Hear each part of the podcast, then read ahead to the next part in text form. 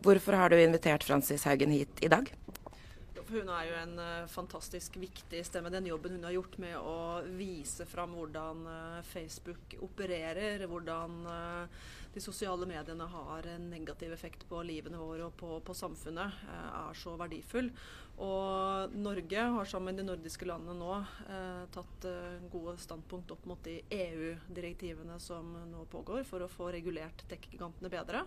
Eh, men vi jobber også sammen på et nordisk nivå for å kunne gjøre mer, f.eks. For, for å hindre at de frie redaktørstyrte mediene blir sensurert. Så jeg ønsket å Eh, møte henne for å si takk eh, for den eh, jobben hun gjør med å få til en bedre offentlig samtale om disse tingene, og ikke minst få tips om hva vi i Norge og de nordiske landene kan, kan gjøre på egen hånd, der EU-sporet kanskje ikke vil levere godt nok. Så vi har hatt en fin samtale om det.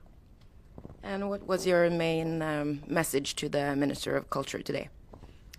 We have a huge opportunity to push for social media that bring, that we enjoy you know, we're not, this is not about giving up social media. It's about having social media that we can access with our family and our friends that we enjoy, that brings out the best in us. You know, we've been focused so much on censorship. You know, what, con- what specific pieces of content should we take down?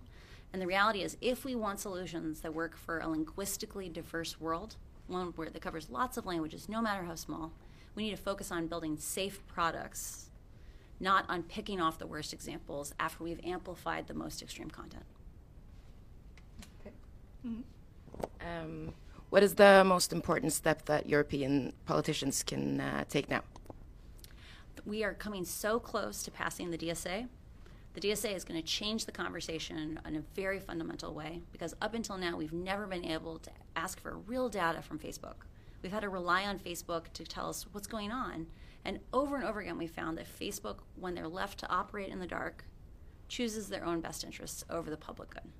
So Uh, we need to push the last little bit and pass the DSA, and then work on making sure that we enforce it in a rigorous way.